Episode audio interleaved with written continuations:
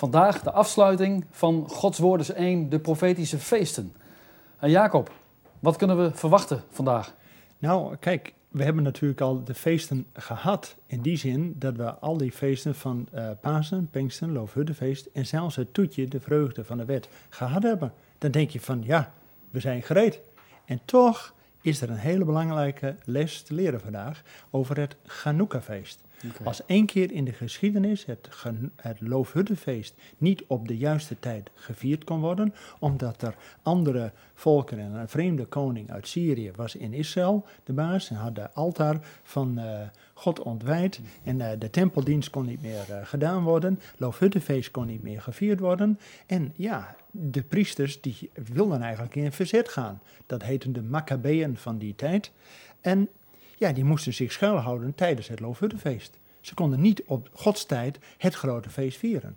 Alleen drie maanden later, toen kwamen ze uit hun schuilhoeken en toen hebben ze Jeruzalem en de tempel en het altaar van God weer ja, in ere hersteld. En toen hebben ze als eerste ook weer, ja, ze vonden nog een klein flesje olie met het uh, zegel van de hoge priester erop. En toen hebben ze met dat kleine een potje olie die menorah van God weer aangedaan. En het wonder was dat die menorah, die bleef toch zeven dagen branden op het potje, wat normaal gesproken maar genoeg olie is voor één dag. Dus het feest van God, het wonder van God is, ook al werd het grote feest niet op de juiste tijd gevierd, maar pas later het uitgestelde Loofhuttenfeest wordt dit gevierd, wordt uh, genoemd, en ook pas later in de wintertijd genoemd en gevierd, dat het uh, een wonder van God is. Dus God beantwoordde de daad van de mensen met zijn wonder. Dat de mensen hebben maar één klein potje olie nodig. Maar dat God zijn zegen eraan verbindt. En het zelfs acht dagen uh, laat branden. Betekent, acht dagen heb je nodig om ook weer nieuwe voorraad olie te persen voor de heilige olie die in de tempel van God nodig was. En uh, een soortgelijk wonder zien we ook, ik dacht in 1 Koningin 17, hè, bij Elia en de weduwe. Ja. Hè, waar de olie in de pot ook niet opraakt. Ja, alleen dan zegt Elia ook tegen die uh, weduwe van Sarfat, wat heb gij? Nou, nog een klein beetje olie ja. en een klein beetje meel. Ja. En God zal voorzien in koren, in wijn en in olie. Ja. Met andere woorden, koren is brood, in wijn is vreugde en de olie is van de zalving die we nodig hebben. Maar je ziet ook dat die olie nodig is om ook dat brood te bakken daarin. Dus het komt allemaal bij elkaar. Dat zelfs al in het Oude Testament met die Elia, die natuurlijk heen verwijzend profetisch bezig is, dat God voorziet in genoeg eten, zelfs voor de weduwe, dat de wees ja. en de weduwe hebben genoeg te eten. En zo verwijst dat ook in het Nieuwe Testament, als Jezus ook uh, ja, brood en wijn in het avondmaal, dat is die vreugde, maar ook dat Gods geest van de olie, van de, van de zalving, die hebben nodig om het feest werkelijk te vieren. En als het feest niet gevierd wordt op Gods tijd, omdat de vijanden de overhand hadden en je kon niet anders dan alleen maar in de spelonken je, ja, achterhouden en schuilhouden, maar het verzet ging door en toen drie maanden later wordt het feest toch gevierd, dat het altaar wordt in ere hersteld. Je hebt maar een klein beetje van jezelf, een klein beetje olie, wat je nog uit je voorraad van vroeger had, maar je hoeft maar een klein beetje te hebben. God geeft daar zijn volkomen zegen aan dat er een achtvoudige hoeveelheid is, dat we zeggen voor acht dagen bleef die menorah toch branden. Zodat men weer tijd had om de olie voor de volgende ronde te maken. En wat is daarna gekomen? Dat ook het Chanukka-feest, dus het uitgestelde Loofhuttenfeest, wordt ook wel het Loofhuttenfeest van de wintermaand genoemd. En laten we nu eens gaan kijken hoe Jezus dit feest heeft ingevuld. Daar staat ja, de Bijbel is dus heel eenvoudig. We hebben Johannes 7 gehad met het Loofhuttenfeest. Johannes 8 met Simchat Torah. Waar Jezus zegt, ik ben het licht der wereld. Maar ja, dat kun je soms nog makkelijk zeggen. Maar in Johannes 9 laat Jezus zien dat hij het licht der wereld is. Dat hij een blind geborene het licht in de ogen niet alleen gunt, Ja, maar ook weer geneest. Met andere woorden, hij zegt het niet alleen, maar hij doet het ook. Dat is Johannes 9. En dan in Johannes 10, dan zijn we op de plek waar we dat uitgestelde Loofhuttenfeest vieren. En dan staat in Johannes 10, vers 22. Zou jij, Zal ik dat even lezen? ja, als je dat zou willen? Johannes 10. Want we lezen de Bijbel wel eens een beetje van eh, tekst tot tekst en dan pakken we dat 22. eruit. Maar Johannes 7, dan Johannes 8, Johannes 9 en dan valt gewoon. Volgt Johannes 10. Vers 22 tot en Ja. met? Nou, eerst nou, tot 29. tot 29. Het gaat over het feest der tempelvernieuwing. Toen kwam het vernieuwingsfeest in Jeruzalem. Het was winter. En Jezus wandelde in de tempel in de zuilengang van Salomo. De Joden dan omringden hem en zeiden tot hem: Hoe lang houdt gij onze ziel nog in spanning? Indien gij de Christus zijt, zeg het ons ronduit. Jezus antwoordde hun: Ik heb het u gezegd en gij gelooft het niet. De werken die ik doe in de naam mijns vaders, die getuigen van mij. Maar gij gelooft niet, omdat gij niet op mijn schapen behoort. Mijn schapen horen naar mijn stem, en ik ken ze, en zij volgen mij. En ik geef hun eeuwig leven, en ze zullen voorzeker niet verloren gaan in eeuwigheid, en niemand zal ze uit mijn hand roven. Ja, en dan het laatste vers. Wat mijn vader mij gegeven heeft, gaat alles te boven. En niemand kan is roven uit de hand van mijn vader. Ik en de vader zijn zijn één. één. Ja, Nou, juist als we ook de serie gehad hebben, Gods woord is één. En we hebben de vorige keer gelezen uit Johannes 8 dat Jezus zegt, ik ben het licht der wereld. Ik ben, ja dat kan alleen God zeggen, Ja. ik ben die ik ben. Maar als Jezus en de Vader één zijn, dat laat hij hier zien, ik en de Vader zijn één. Dan mag je in de naam van de Vader zeggen, ik ben het licht der wereld. En dat zegt hij niet alleen in Johannes 8, in Johannes 9 laat hij het zien ja mooi. die blind geboren, dat hij ook werkelijk genezen is. Dus het woord van God is ook heilbrengend en genezend. En dus bijvoorbeeld, ik moet ineens denken aan die tien melaatsen. Die roepen aan Jezus, eh, u staat toch ergens voor? En dan zegt hij, ga naar de priester. En gaandeweg worden ze genezen. En dat is ook hier. Als Jezus zegt, ik en de Vader zijn één, ik ben het licht der wereld. Als wij wandelen in het licht, dus gaandeweg steeds met Jezus wandelen, van dag tot dag, ze geleid worden door zijn geest, dan gaan we steeds meer op Jezus gelijken. Want waar je mee omgaat, word je in die zin positief mee besmet. Ja. Ik bedoel, wanneer je met Jezus omgaat, ga hij dat Gods geest door je heen gaat stralen. Dat je ook het licht der wereld mag zijn. Ik vond het frappant, eh, jij haalt die tien laatst aan, maar dat er maar één terugkwam hè, Ja. om Jezus te bedanken. Ja, er was nog een Samaritaan ook. Ja. Dus de meeste mensen die het gehoord hadden vanuit Gods volk, die deden het niet eens. Dus we moeten ook inderdaad de dank aan God brengen. Onze tiende wel geven. Belangrijk. Maar we hebben net ook hier gelezen dat de, de Joden die zeiden van... Indien gij de Christus zijt, zeg het ons. Nou, Jezus zegt van, de werken die ik doe getuigen van mij dat ik en de Vader zijn. Nee, nou, dat hij die blindgeborene het licht weer niet alleen gunt, maar ook werkelijk het licht in de ogen ge- eh, geeft, betekent dat hij werkelijk één met de Vader is. Want wie kan dat anders doen? Maar er komt bij, er staat, indien gij de Christus zijt, zeg het ons ronduit.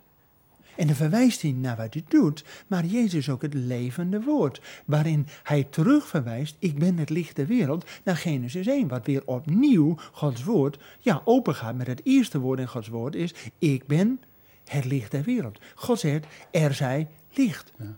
Nou, en dat woord wat ja, lichtdragend en levengevend is, dat haalt Jezus ook aan in dat feest wat hier de vernieuwing van de tempel is. Dus dat feest van Chanukka, waarin 167 jaar voor Christus was het niet mogelijk om eh, het Loofhuttenfeest te vieren. De mensen uit Syrië, die, eh, de Seleuciden, met Antiochus Epines IV, die had de tempel eh, eh, veroverd en het altaar ontwijd. Dus notabene een, eh, een eh, varken erop gedaan als een onrein dier. Maar God zegt, nee, mag alleen een rein dier geofferd worden. Nou, en de uh, Maccabeën, de verzetshelden van die tijd, de priesters, die gingen drie maand later de tempel en het altaar weer inwijden voor de Heer. Met dat olie. En het betekent ook dat het woord van God, wat dan gelezen wordt, vernieuwend werkt. En zullen we nou eens gaan kijken wat precies met dat Chanukka-feest gelezen wordt, al eeuwenlang in de synagoge, ook bij de tempel, wanneer die tempelvernieuwingsfeest, waar Jezus ook zelf is, want hij is natuurlijk zelf het, uh, het levende woord, wat krachtig en uh, genezend is. En nu die stap dat hij zich laat zien als de Christus.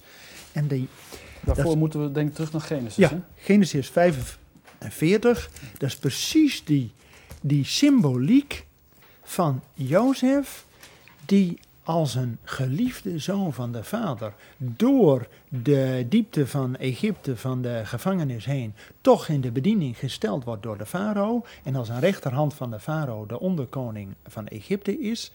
En dan uh, wordt hij de Safnar Paneas, de redder der wereld genoemd. En dan zie je dat verhaal dat ook vader Jacob in uh, Canaan, ja, die krijgt ook honger met zijn uh, gezin. 70, in totaal 70. En dan stuurt hij zijn zonen naar uh, Egypte. Want ja. hij had ook wel gehoord van ja, daar in Egypte, daar ja. was brood. Ja. Wist hij veel dat, hij, dat zijn zoon was. Want hij dacht, die is... Die is gestorven. Die is gestorven, want ze hadden toch zijn mooie kleed met bloed besprengd, hadden ze bij vader Jacob gebouwd. Dus ja, dit is uw zoon. Uh, ja, ja, weet niet. Dus ja, Jacob leeft in een veronderstelling. Ja, die zoon, die is er niet meer.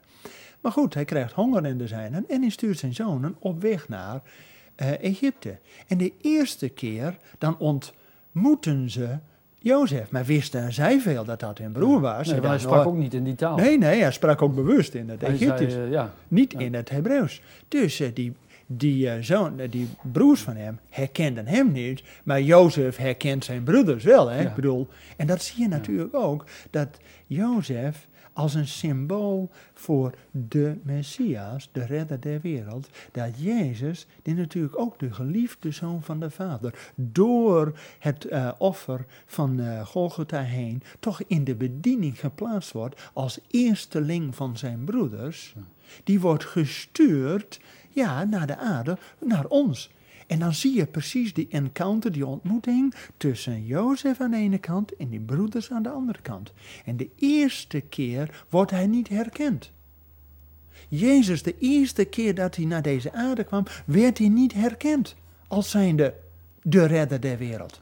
De redder van zijn broeders, de heiland van Dat Israël. is weer zo'n overeenkomst. Zo'n overeenkomst. En dus de eerste keer stuurt hij zijn broeders met voldoende eten weer terug naar zijn vader Jacob. En twee jaar later komen ze weer terug. En dat is ook heel symbolisch. Tweemaal duizend jaar leven we nu na de eerste komst van Jezus. We leven in profetische tijden. Want blijkbaar als het volk van God, Israël, weer honger krijgt naar Gods woord, dan gaan ze op zoek naar de levende manna. Dus nu Israël weer in het land is, en de Joden als eerste daar zijn, als plaatsbereider voor het hele volk, dan zien we ook dat wanneer nu de tweede keer jo Juda en zijn broers toch weer naar Egypte moeten, ze hebben helemaal geen zin. Want ze weten nog van, oh, die vorige keer, nou, toen heeft hij ons behoorlijk de les gelezen. Want hij had hen door, hij testte hun. Ja. En maar nou, er was wel een broer achtergelaten. Ja, dus ze moesten eigenlijk wel terug. Ze, ja, maar ze hadden eigenlijk geen zin, hè? Ja. Ze lieten Simeon liever twee jaar daar nog in de bak. Ja. En Simeon betekent God hoort. Zie je hoe profetisch? Maar wel door de diepte heen. Dus ook voor onze kijkers en, en, en, en, en luisteraars, soms wel eens door de diepte heen dat God verhoort. Betekent ook in de diepte. Dat kun je niet, helemaal zien in het verhaal van Jozef natuurlijk. Niet depressief worden, nee, maar weten, God hoort er doorheen. En dus we moeten de overwinning houden. Dat is ook de boodschap van de vreugde van de wet, de vreugde van de feesten, dat we door de diepgang de overwinning voor ons zien. Jij had het net over uh, 2000 jaar.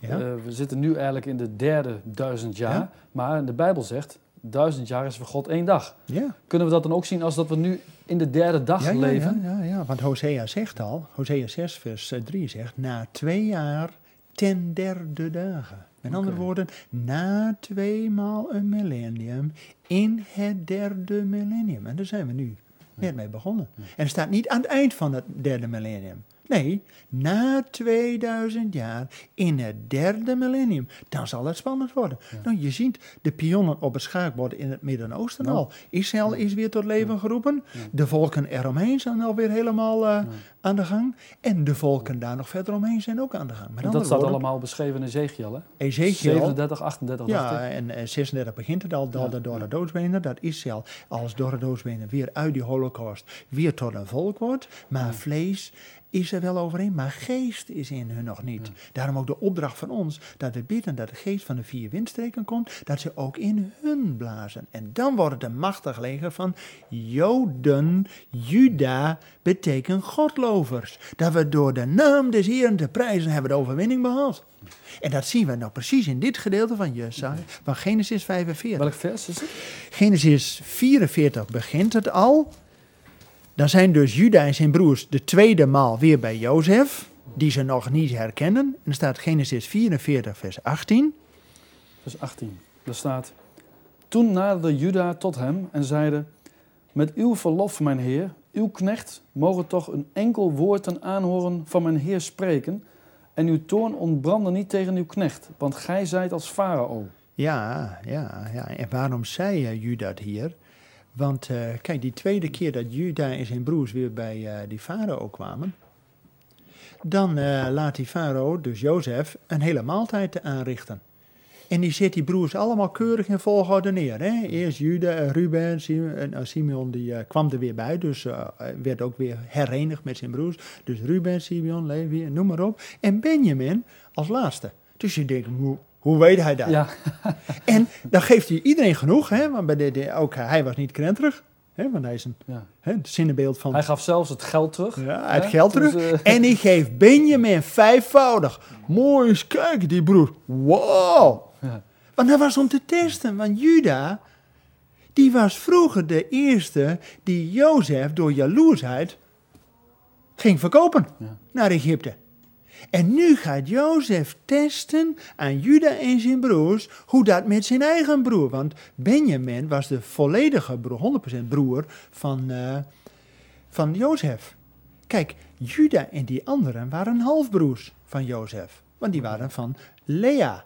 En Rachel had alleen maar Jozef en Benjamin tot zoon. Dus Jozef en Benjamin zijn 100% broers. Dus Jo- eh, Jozef gaat testen hoe zij nou met dat kleine broertje Benjamin omgaat. En die geeft hem vijf keer zoveel. En die jongens, wow, zo, maar goed, oké. Ze komen met z'n allen nog goed in de olie ook.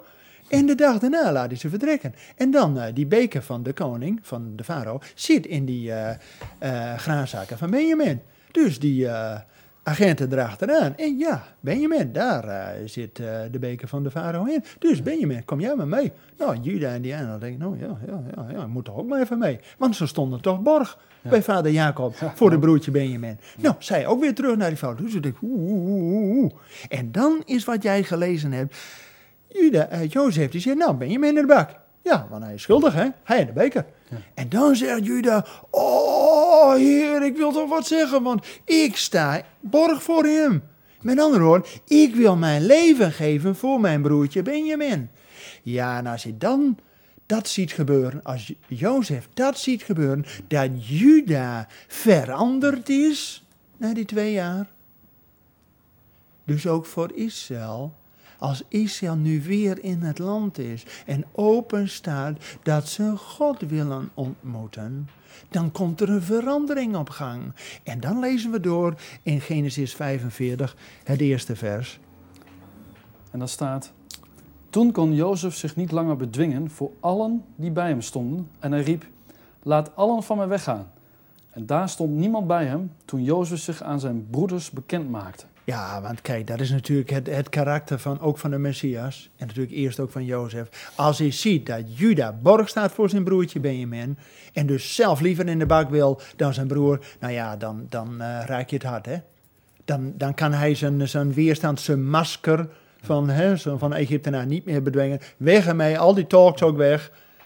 Dus toen sprak hij van aangezicht tot aangezicht. Maar ik denk ook dat hij dat graag wilde zien. Ja, tuurlijk. Hij testte hun Ja. natuurlijk om te Ja. zien wat er in hun hart was. Ja. Maar dat is natuurlijk ook de les voor ons als christenen. God wil ook ons testen wat er in ons hart is. Daarom beproeft God ons wel eens om te zien wat er in ons hart is. En ook hier, Jozef testte zijn broers tot hij die wist dat ze vanuit hun hart anders gingen redeneren. Nou, is die boodschap natuurlijk ook voor ons. En daarom, als Jezus op dat Chanukka-feest, tempelvernieuwingsfeest, terugverwijst naar deze geschiedenis van Jozef, de redder der wereld, kan ook de redder van jou worden, van zijn broeders, kan ook jouw redder worden. Dus heel persoonlijk, wanneer het hart niet meer op eigen. Oh nee hoor, ik uh, ben veel sterker en die Jozef weg mij. Nee, maar dat je zelf afstand wil nemen van jouw rechten en gaat pleiten voor jouw zwakkere, jouw, jouw kleinste broertje. Ja, dan ben je precies wat God je hebben Verlogen wil. jezelf. Ja, afscheid nemen van jezelf. In die zin, jezelf op de tweede rang zetten, zodat ja, die andere ook recht van spreken krijgt. En Benjamin betekent ook zoon van geluk. Ja, als je die ook zijn plek laat geven, ja, dan gaat het geluk zelfs op jou afstralen. Nou, dan word jij er ook gelukkig van. Dat is een feest. feest is ook een feest. Dat we er zelf gelukkig van. En daarom gaat Jezus op dit feest. Als al die omstanders zeggen. Nou, als jij nou de Christus bent, laat het dan zien. Nou, Jezus laat het zien. Dat hij niet alleen zegt: Ik ben het licht der wereld. Hij laat die blindgeboren ook het licht weer schijnen in de ogen. Dus hij laat het zien, woord en daad. Dat is dus ook voor ons als christenen. Dat we niet alleen met woorden zeggen, maar met daden laten zien dat we christen zijn. En hij verwijst terug, maar dat is natuurlijk tevens profetisch, dat hij, Jezus Christus, ook de redder der wereld is. En heel persoonlijk ook onze redder wil zijn. Nou, dat is dan feest. Mooi hoor. Gaan we in tot het feest van uw Heer. Nou. Dus we hadden wij ook genodigd, hè, dat hadden we de vorige keer ook gezien met uh, openbaring 19. Ga in tot het feest van de Heer. De bruiloft van het lam, maaltijd des Heren. Maar dat we dus zelf ook bekleed worden met die witte linnen van de rechtvaardige daden der mhm. heilen. Nou, één van die daden is dat we onze naasten ook lief hebben als onszelf. Okay. Ja. Jacob, nog even kort een samenvatting. Uh, hoe kun je de feesten van God in de Bijbel lezen? Nou, daar... Pasen is het feest van de Zoon. Jezus heeft het werk volbracht. Pinksten is het feest van de geest, zodat we het volhouden in het licht van Gods geest. Dat we weten waarop het aankomt. Dat we weten wat de weg is die we mogen gaan. Daarom wil God zijn geest geven, zodat we dagelijks vervuld worden door zijn geest. En dat we visie hebben voor de toekomst door de inzameling van de oost. Het feest bij de Vader. Dat we welkom zijn bij de gastheer die de maaltijd voor ons bereidt. En dan Simchat Torah betekent de vreugde van de koninkrijk. Dat we daar niet meer weggaan, maar dat we bij de tempel, de tabernakel van God zijn. Dat God bij ons komt wonen. Nou, dan is het een en al feest. Niet alleen op de juiste tijd, maar ook alle tijden daarna. Want dat is het feest, dat het feest met ons meegaat. Nou, Prachtig. Amen. Prachtig.